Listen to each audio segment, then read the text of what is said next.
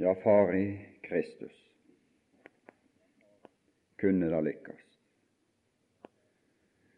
at en stråle fra deg kunne nå inn til oss nå. Så vil vi tilbe deg og juble for det.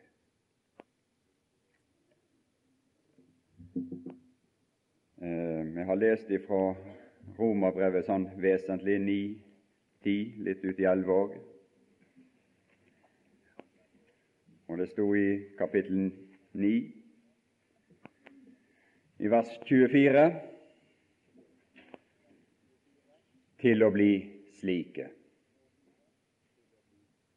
Til å bli slike kalte Han og oss. Til å bli slike.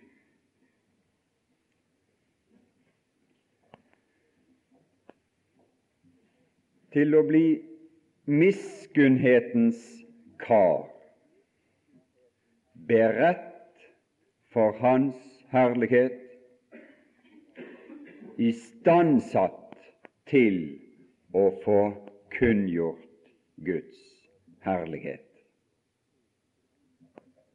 Slik Moses fikk det i 2. Mosebok kapittel 33 og 34. For det er det han begynner med litt lenger oppe her i kapittel 9. Han siterer derifra. Når han presenterer for oss den djupeste beveggrunn i Gud for å i hele tatt bry seg om å ta opp et arbeid med dette frafalne folk. Det var miskunnhet. Det er første gang det er nevnt i, i Romerbrevet, så vidt jeg skjønner iallfall. Når han siterer der i vers 15. Og det er et sentralt begrep i det videre her, ved Guds miskunnhet. Og det var det han sa til Moses i 2. Mosebok 33 og i vers 19 at han ville miskunne seg over den han ville miskunne seg over.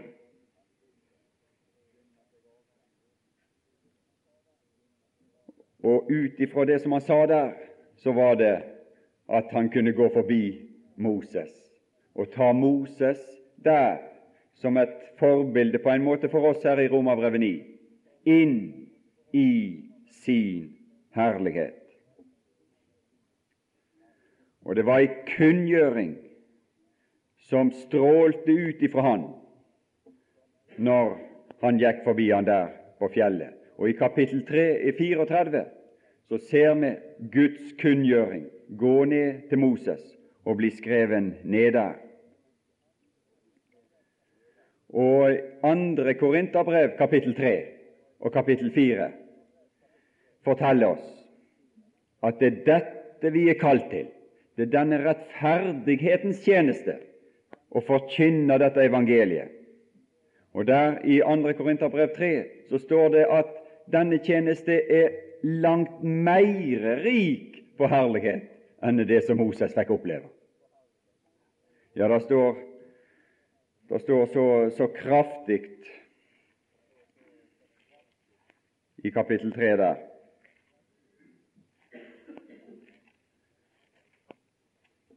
At det herlige har i dette stykket, altså det herlige som Moses fikk oppleve, har i dette stykket ingen herlighet mot hin over vettes rike herlighet.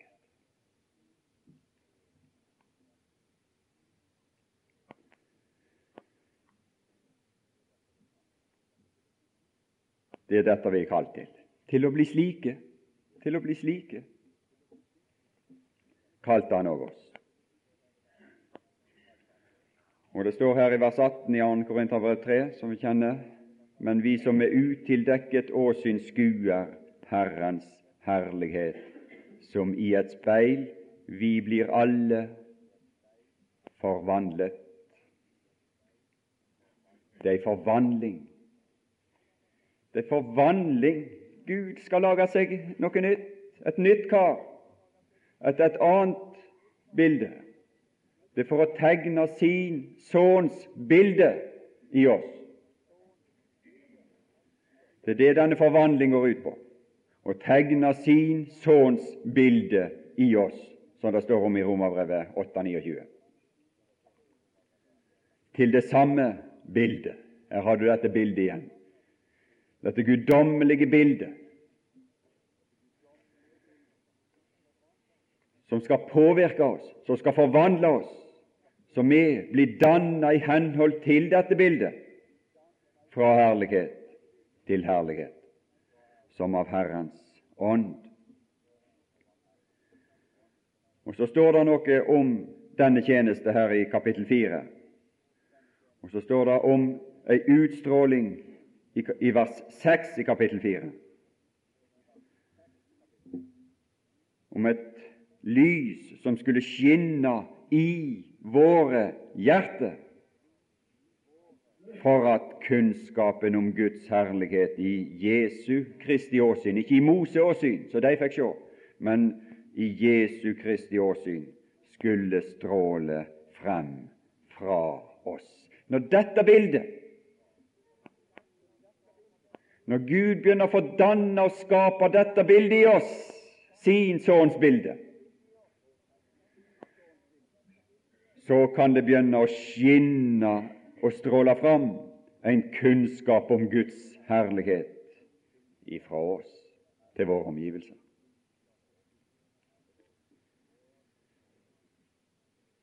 Og han sier her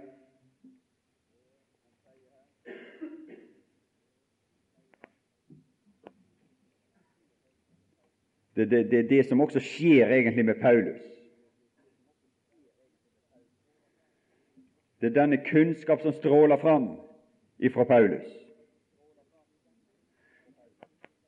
Det, det er denne kunnskap han sier til, eh, i Romerbrevet 10,3 at disse ikke kjente, disse som søkte og streva på å grunne eller sette opp sin egen rettferdighet, menneskets rettferdighet, og så gav de seg ikke inn under Guds rettferdighet. Men vi, sier han i kapittel 4 og 5 her i 2. Korinterbrev, vi forkynner ikke oss sjøl. Vi forkynner ikke ei rettferdighet som har satt opp sjøl, en egen rettferdighet, men vi forkynner Kristus Jesus som Herre. Vi forkynner Guds rettferdighet, som er Kristus Jesus som Herre. Det er denne forkynnelse, det er denne kan du si, kunnskap om Guds herlighet i Jesu Kristi åsyn.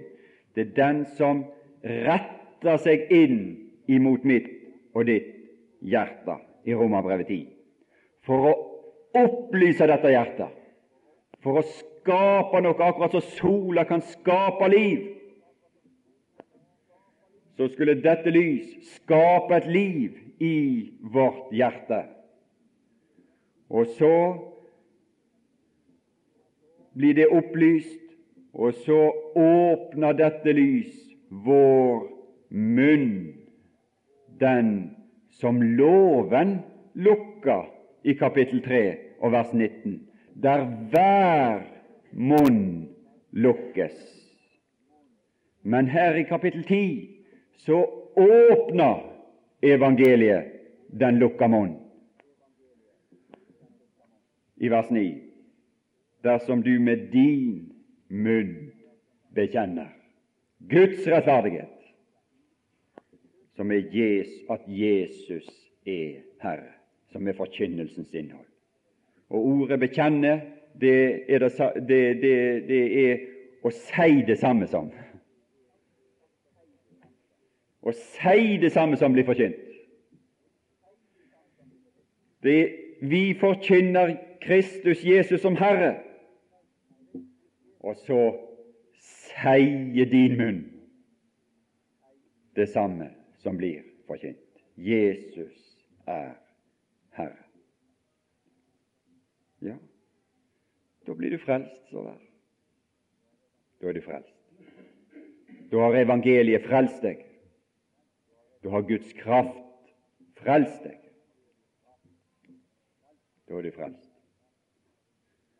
Så kan det bli mer, mer når vi kommer ut i kapittel 15 her.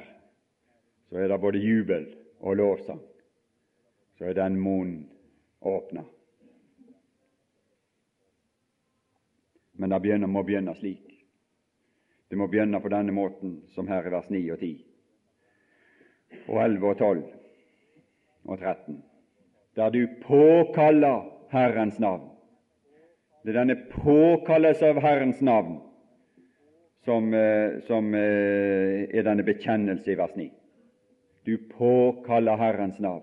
Du henvender deg til Herren og påkaller Hans navn. Det er noe som ei uimotståelig kraft kjem over dine leper.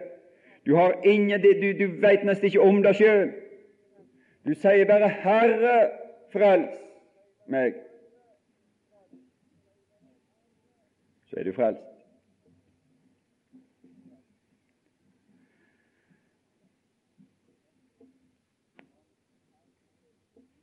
Når Hans herlighetslys går opp for oss, så er dette så overveldende at det tvinger seg fram ut av vår munn. Herre Jesus. Så er du frelst. Så er du tatt inn i Hans herlighet ved Hans miskunnhet. Og der oppe, i Hans herlighet, inni den herlighet som du er tatt inn i,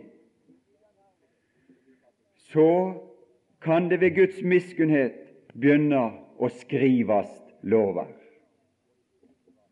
Ikke på stein denne gangen, men på hjertets kjøtttavle. Og det, der blir det skrevet herlige lover. Du all verden for lover.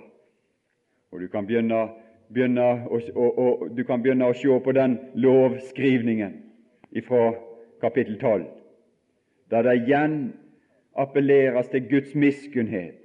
Jeg formaner dere altså, brødre, ved Guds miskunnhet, denne miskunnheten som førte oss inn i Hans herlighet. Kan du begynne å lese om lova? ikke det velbehagelig? Velbehagelige lover. Du verden for lover. Vi kan ikke ta tid til å lese nedover her nå, men, men bare smake på, på, på liksom disse begrepene som står her.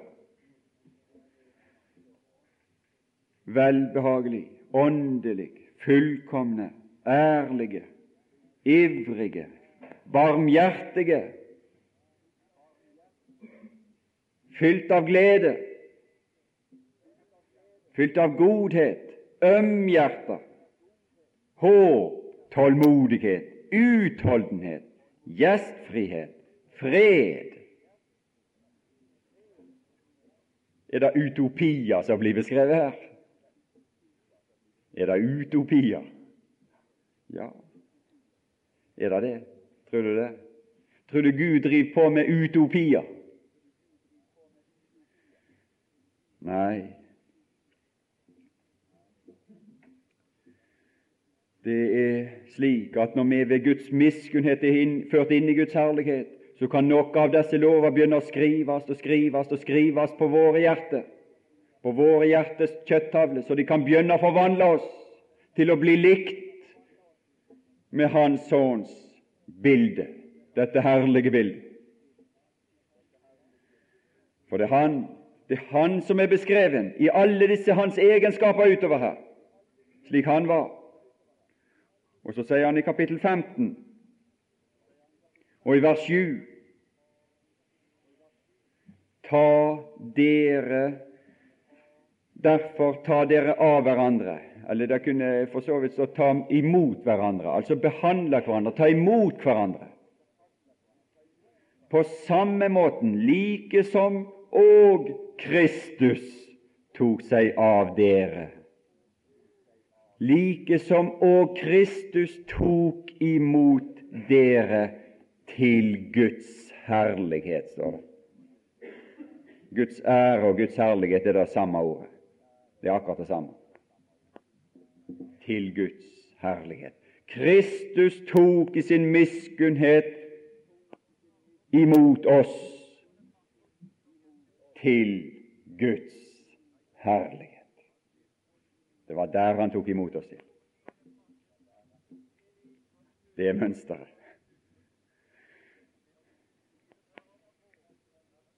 Det er ikke sikkert vi rekker så veldig langt, men i noen grad skulle dette bildet begynne å tegnes i oss, og kan begynne å tegnes i oss, at denne forvandling skjer i oss. Men vi må være der til stadighet, for det er jo hjertets kjøttavle. Du vet, Nå skriver i kjøtt, så, så liksom Ja, det må stadig gjentas, det.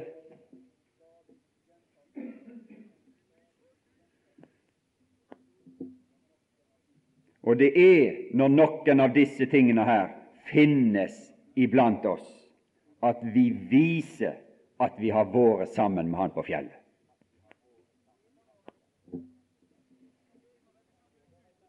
Noen av disse tingene her må være iblant oss hvis vi har vært i lag med Han på fjellet. Det var liksom en litt annen Moses som opplevde Guds miskunnhet. Han kunne ha et miskunnelig hjertelag overfor sine brødre.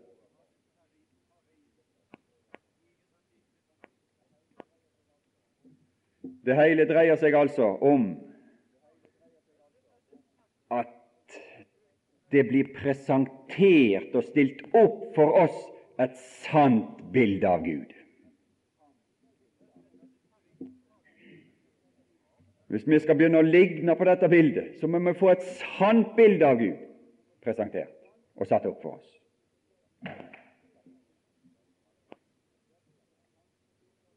Og dette sanne bildet av Gud er presentert for oss og er stilt opp iblant oss her i kapittel 10.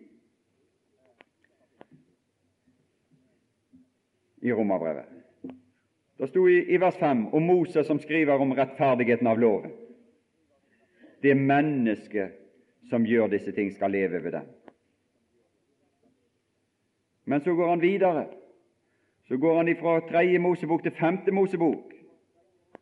Og så presenterer han ikke loven, men evangeliet, for rettferdigheten av troen. Den blir åpenbart i evangeliet, det, står det i kapittel 1 vers 17. rettferdigheten av troen, den sier så Si ikke i ditt hjerte hvem skal fare opp til himmelen. Eller i vers 7 hvem skal fare ned i avgrunnen. Dette tar Paulus ifra 5. Mosebok og kapittel 30. Og i 5. Mosebok kapittel 30 så henvender Moses seg til hjertet. Han henvender seg til folkets hjerte. Det er hjerte, hjerte, hjerte, hjerte det taler om der. Og så sier han i vers 11 i 5. Mosebok 30.: For dette bud som jeg gir deg i dag, er ikke for høyt for deg. Det er ikke så høyt der oppe og det er ikke så langt borte eller så djupt der nede. Det er ikke der det er. Men det er deg, i vers 14 står det her, det er deg meget nær. Det er tilgjengelig for deg. Det er gjort tilgjengelig for meg og deg.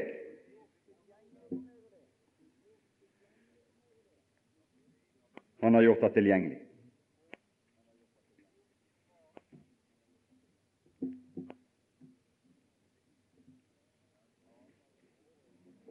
og Romerbrevet 10 forklarer oss hvordan det ble tilgjengelig. Det vil si at for å hente Kristus ned. Det vil si for å hente Kristus opp fra de døde. Det er Kristus som er dette bildet. Det er Kristus som er det, Kristus som er det sanne bildet av Gud.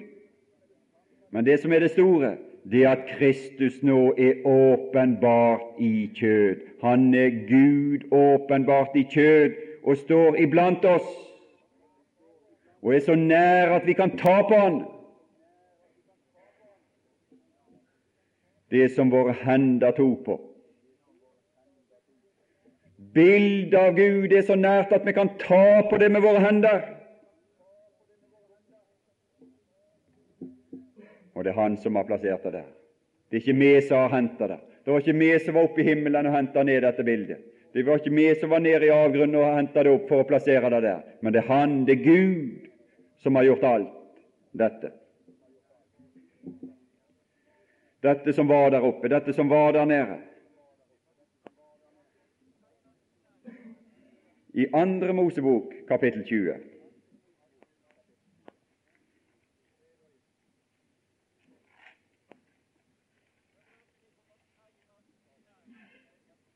så talte Gud alle disse ord og sa.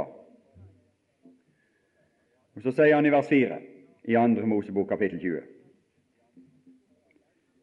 Du skal ikke gjøre deg noe utskåret bilde eller noen avbildning av det som er der oppe i himmelen.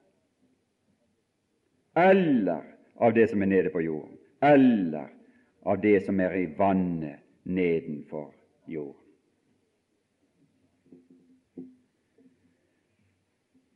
Problemet, dette bildet her, er utilgjengelig, var utilgjengelig for oss. Totalt utilgjengelig for oss. Problemet er at mennesket de kan ikke klare seg uten dette bildet. De greier seg ikke uten dette bildet. Og i overmot så har til alle tider kanskje de mest utrusta personer iblant menneskene, de har i overmot til alle tider gått løs på å lage dette bildet. De dyktigste, de mest begava, enten det er håndverkere eller det intellektuelle, vitenskapelige kapasiteter, filosofer, tenkere,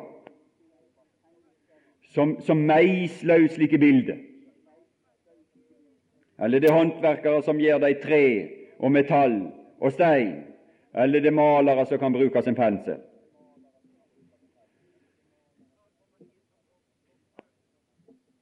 Til alle tider. Da dumpa inn ei bok for meg ved en feiltagelse, så kom det inn ei, ei bok i postkassen min som heter Historien om Gud. Historien om Gud. En bestselger. Det er ei amerikansk dame som har tatt seg for å skrive historien om Gud. Og det selges som varmt hvetebrød i Amerika.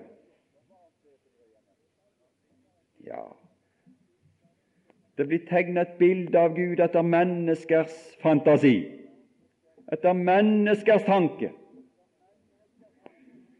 slik mennesker har forestilt seg dette. Hele, Bare tittelen på boka er nesten en, en, en synd imot det andre bud her, eller første budet, egentlig. Så de har synda hele tiden imot det. Det er denne kardinalsynd som menneskene gjør når de begynner å danne sine egne bilder av Gud. Hovedsynd. Men de greide seg ikke i Israel heller. Moses han ble så lenge borte på dette fjellet.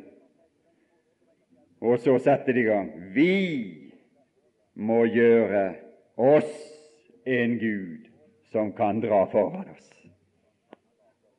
De hadde behov for en Gud der ute i ørkenen.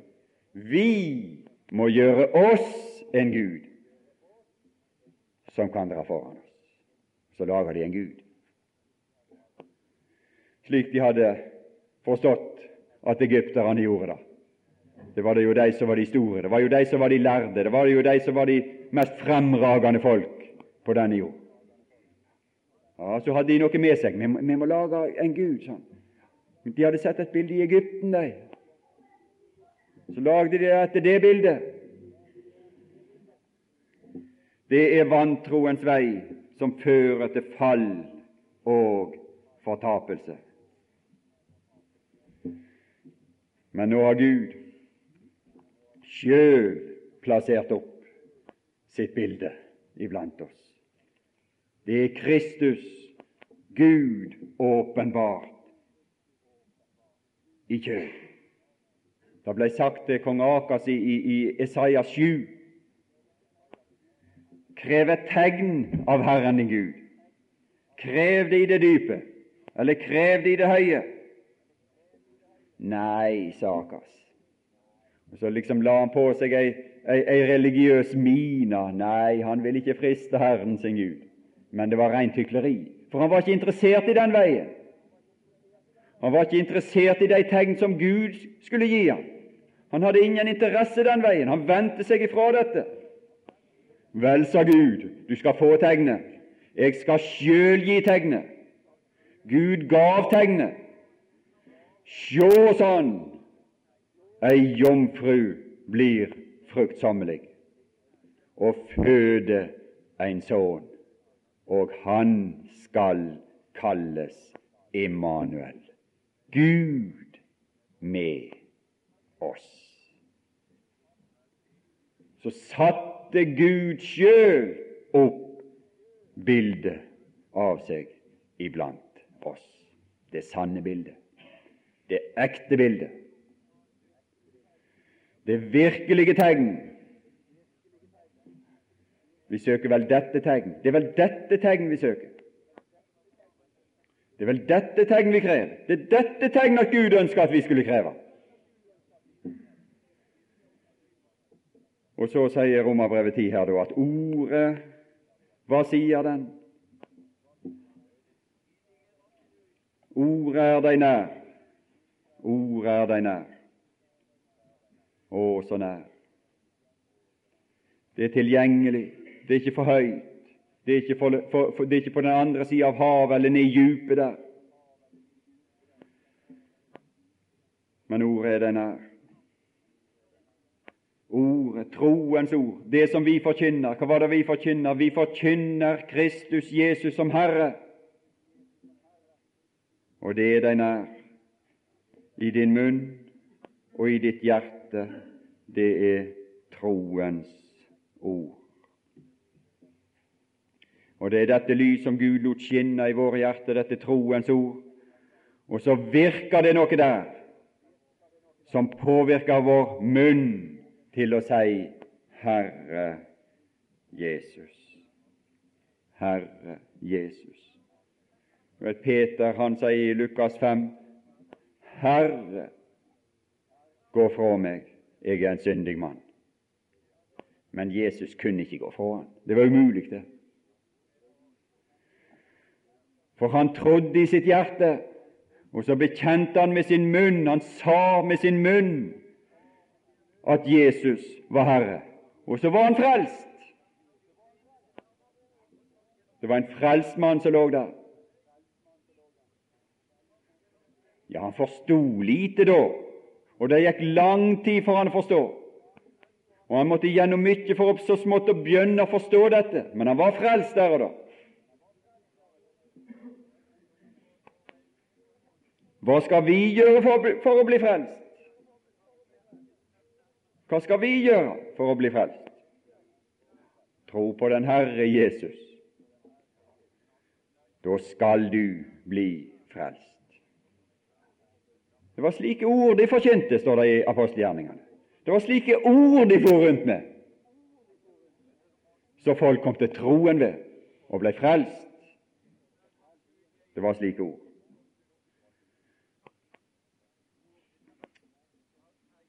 Dersom du med din munn bekjenner, og som jeg sa igjen, jeg kan gjenta det, ordet å bekjenne, det å si det samme. Det betyr bokstavelig oversatt å, å si det samme som, altså underforstått det som blir forkynt, nemlig at Jesus er Herre. Dersom du bekjenner at Jesus er Herre, og i ditt hjerte tror at Gud oppvakte ham fra de døde, da skal du bli frelst. For med hjertet tror en til rettferdighet, og med munnen bekjenner en til frelse. Det er det Skriften viser. Med en gang det går ut et rop 'Herre, frels', så er Han der å frelse. Det har aldri hendt at noen har påkalla Herren uten å bli frelst. For det står nemlig her i vers 13 eller i vers 12 at det er ingen forskjell på jøde og greker. Han utvisker igjen dette skillet, Paulus, som han gjør gjennom hele romerbrevet, da de alle har den samme Herre, som er rik nok for alle som påkaller Han, for hver den som påkaller Herrens navn, skal bli frelst. Alle Hans navn og blei frelst. Det er denne påkallelsen som frelser. Er denne bekjennelse som frelse. Og denne bekjennelse kjem ut ifra at det skapt noe i hjertet som heter tro.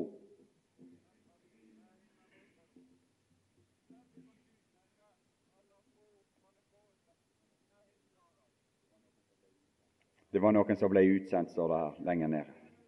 Det var noen som ble utsendt. Gud sendte ut noe. Gud kalte noen til utsendelse. Han kalte også Paulus til å bli utsendt.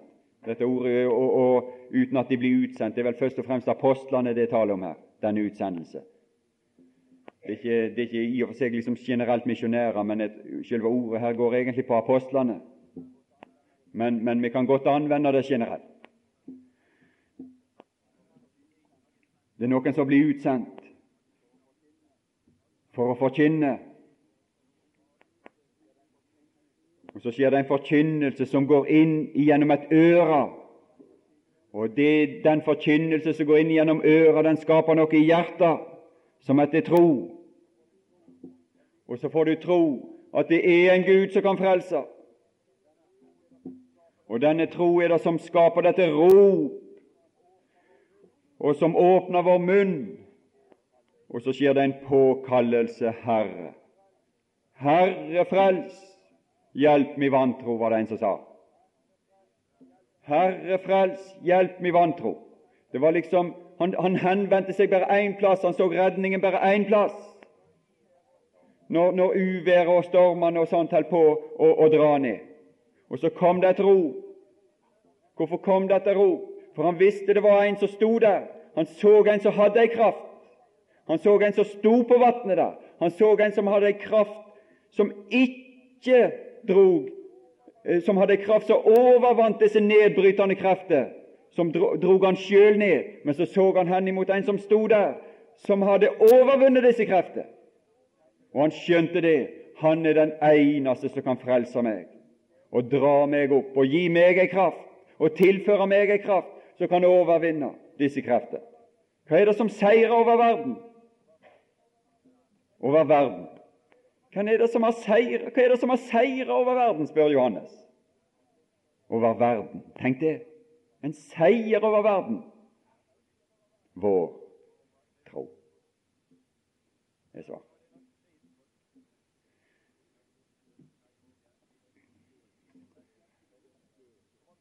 Hva er det som skjer? Hva var det som skjedde med Peter der ute på sjøen? Ingen kan si Jesus er Herre uten i Den hellige ånd. Det er Ånden som gjør levende, og Åndens attrå er liv. Det er dens lyst, det er det den driver til. Den driver oss henimot liv.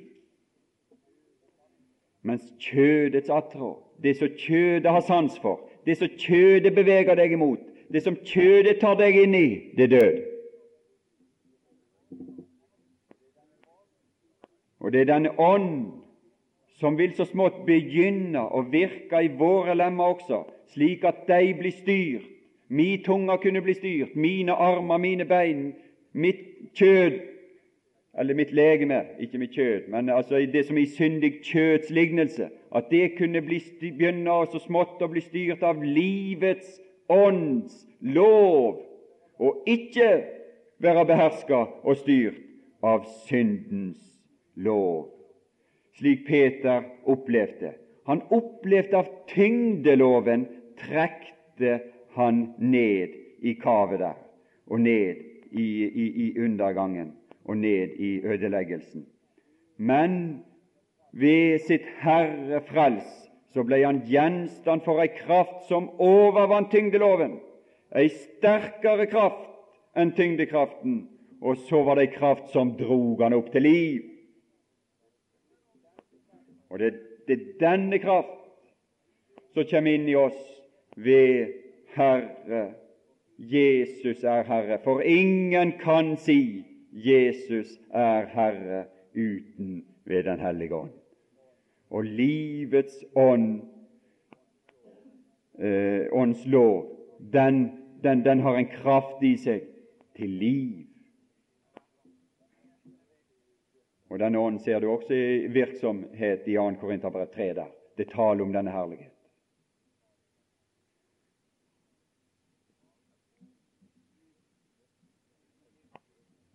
Selvfølgelig. Du kan godt si med din munn, og jeg kan si med min munn, og alle folk kan si med sin munn at Jesus er Herre. Det er ikke det som står der. Det kan alle si og for seg det. Men det er jo selvsagt ikke det som menes i 1. Korinterbrev 12. Men det er dette som, som, som skjer når forkynnelsen av, av Jesus som frelser har kommet inn og berørt ditt hjerte og så kjem det uvegerlig nok over din munn Jesus er Herre. Og da har Ånden gått inn i deg.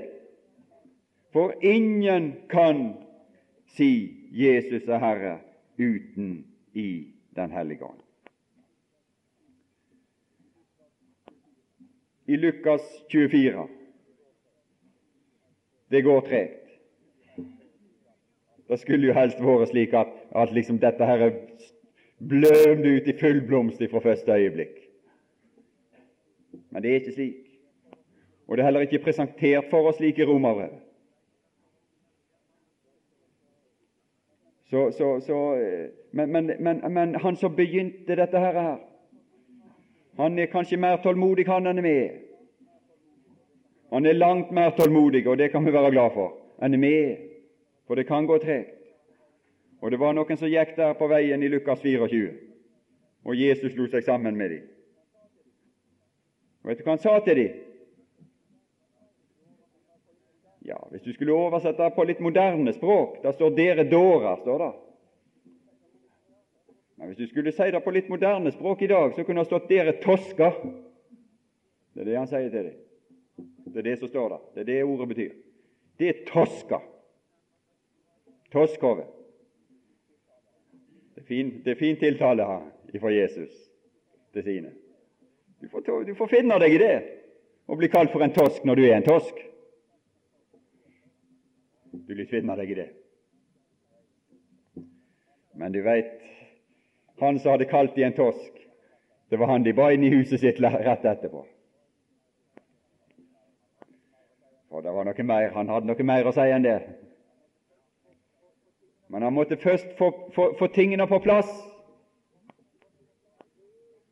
De var så trege i hjertet, deres seinhjerter, eller sløve i hjertet, eller trege i hjertet til å tro.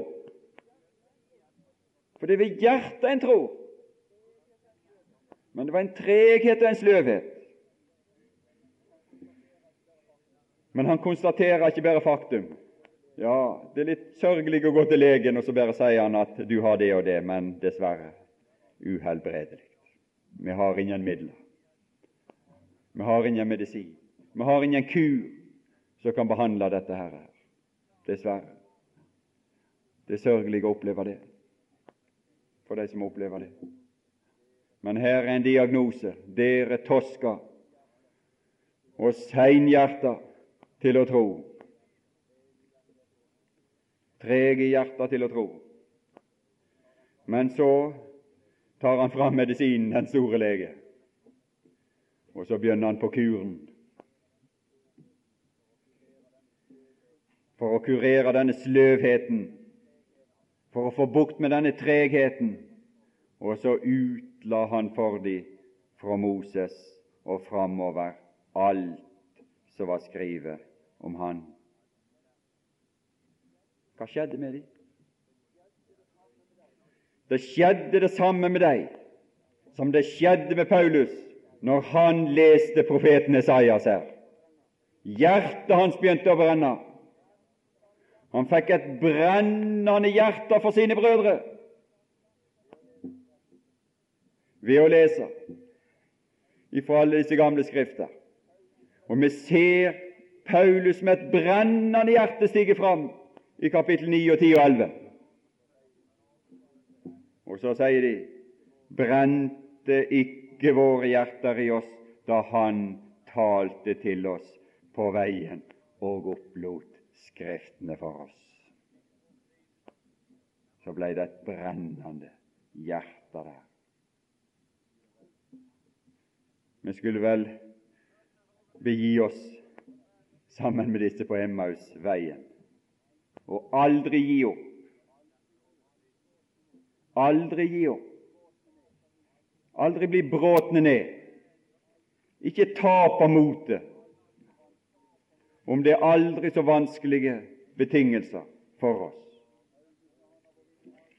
Paulus, når han har vært inne i herligheten i 2. Korinterbrev 3 og fått denne tjeneste, så sier han i vers, kapittel 4 vers 1 derfor da vi har denne tjeneste, denne herlige tjeneste, etter som vi har fått miskunn.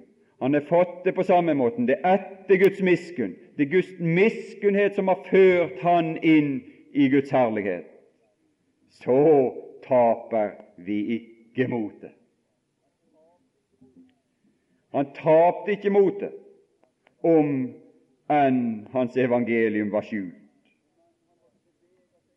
Om enn han måtte bevege seg iblant denne verdens barn, som var forblinda av denne verdens Gud. Han hadde forblinda deres sinn, slik at det lyset som gikk ut og strålte fram ifra hans forkynnelse, ikke nådde inn. Men han tapte likevel ikke motet, han fortsatte og gav ikke opp. Så var det en annen. Han sjøl hadde jo blitt frelst. Hvorfor skulle han gi opp? Det kunne jo være en der, en der, en der, en der. Så gav han ikke opp. Og han ble som en Esaias i Esaias 6, som var inne i Guds herlighet. Og så ble det skapt en lyst i Esaias til å gå med et budskap om denne herlighet. Men hvem var det han skulle gå til? Det var et folk med et sløvt hjerte. Og det skulle bli sløvere. Det skulle bli enda sløvere. Men han gav aldri opp. Han fortsatte og fortsatte og fortsatte. Ja, og vi leser litt eh, videre her i kapittel 10 og over i kapittel 11. Så leste vi om, eh, om eh, Elias. Og Elias han tredde fram for Gud, han, mot Israel.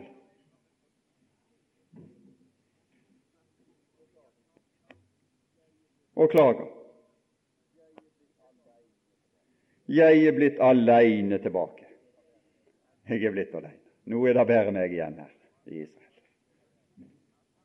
Ja, ja. Nå er vi blitt aleine.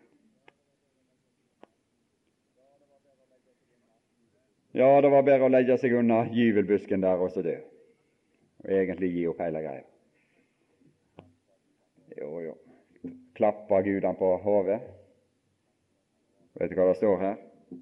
Men hva sier Guds svar til ham? Og det ordet 'svar' der, det er ikke bare et svar, men det er en kraftig irettesettelse som ligger i det ordet der. Hva sier Guds irettesettelse, kraftig irettesettelse, ligger i det ordet svar der. Han måtte finne seg i å bli irettesatt, han som hadde åpenbart Guds herlighet på fjellet der. ved denne oppgitthet og ved denne motløshet. Du har ikke sett helt skikkelig. Øynene dine er ikke skikkelig opplatne, Elias.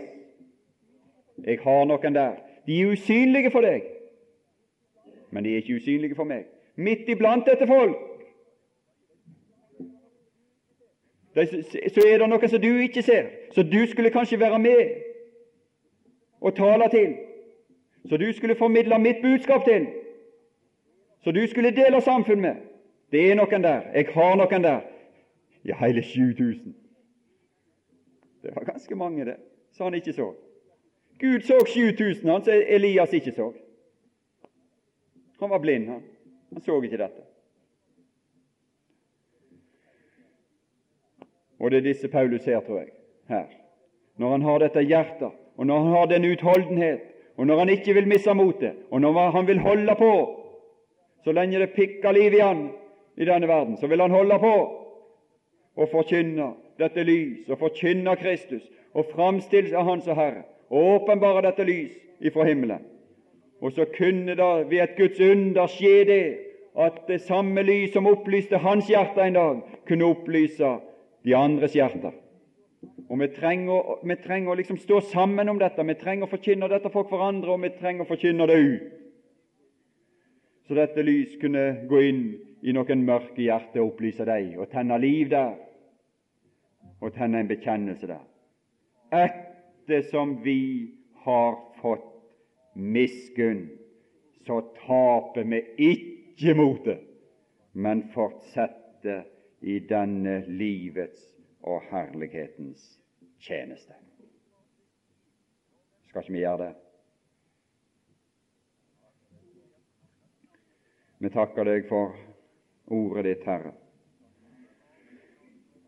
Vi takker deg for evangeliet. Vi takker deg for dette ufattelige, dette store, at du gav oss ordet ditt. At vi fikk høre ordet ditt, og at vi fikk kjøpe oss en bibel. At vi fikk være sammen med tjenere som kunne være med og veilede oss i dette ordet.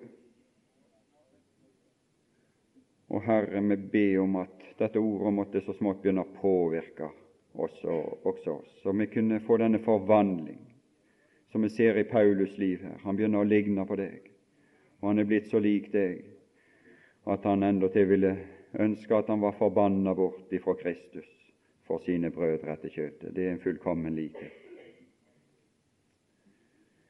Herre Jesus, gi oss nåde til å bli ved din miskunnhet bli tatt inn i ditt lys, så du kunne skrive dine lover i våre hjerter, og som vi kunne noe av denne kunnskaps lys kunne stråle fram ifra oss i denne mørke verden, inntil du kommer, inntil vi møter deg, inntil alt er forvandla, inntil du har fullendt ditt verk i oss. For vi skal bli deg like. Du skal forvandle oss til å bli like deg. Det er ditt forsett. Det er din bestemmelse. Det er din det det, det du har utvalgt oss til. Herre Jesus, velsigner den enkelte. Gjør oss lydhøre overfor di røst i den tid vi måtte ha igjen i verden. Og du skal ha æren og prisen, makten, herredømmet, herligheten, æren, alt er ditt i evigheters evighet.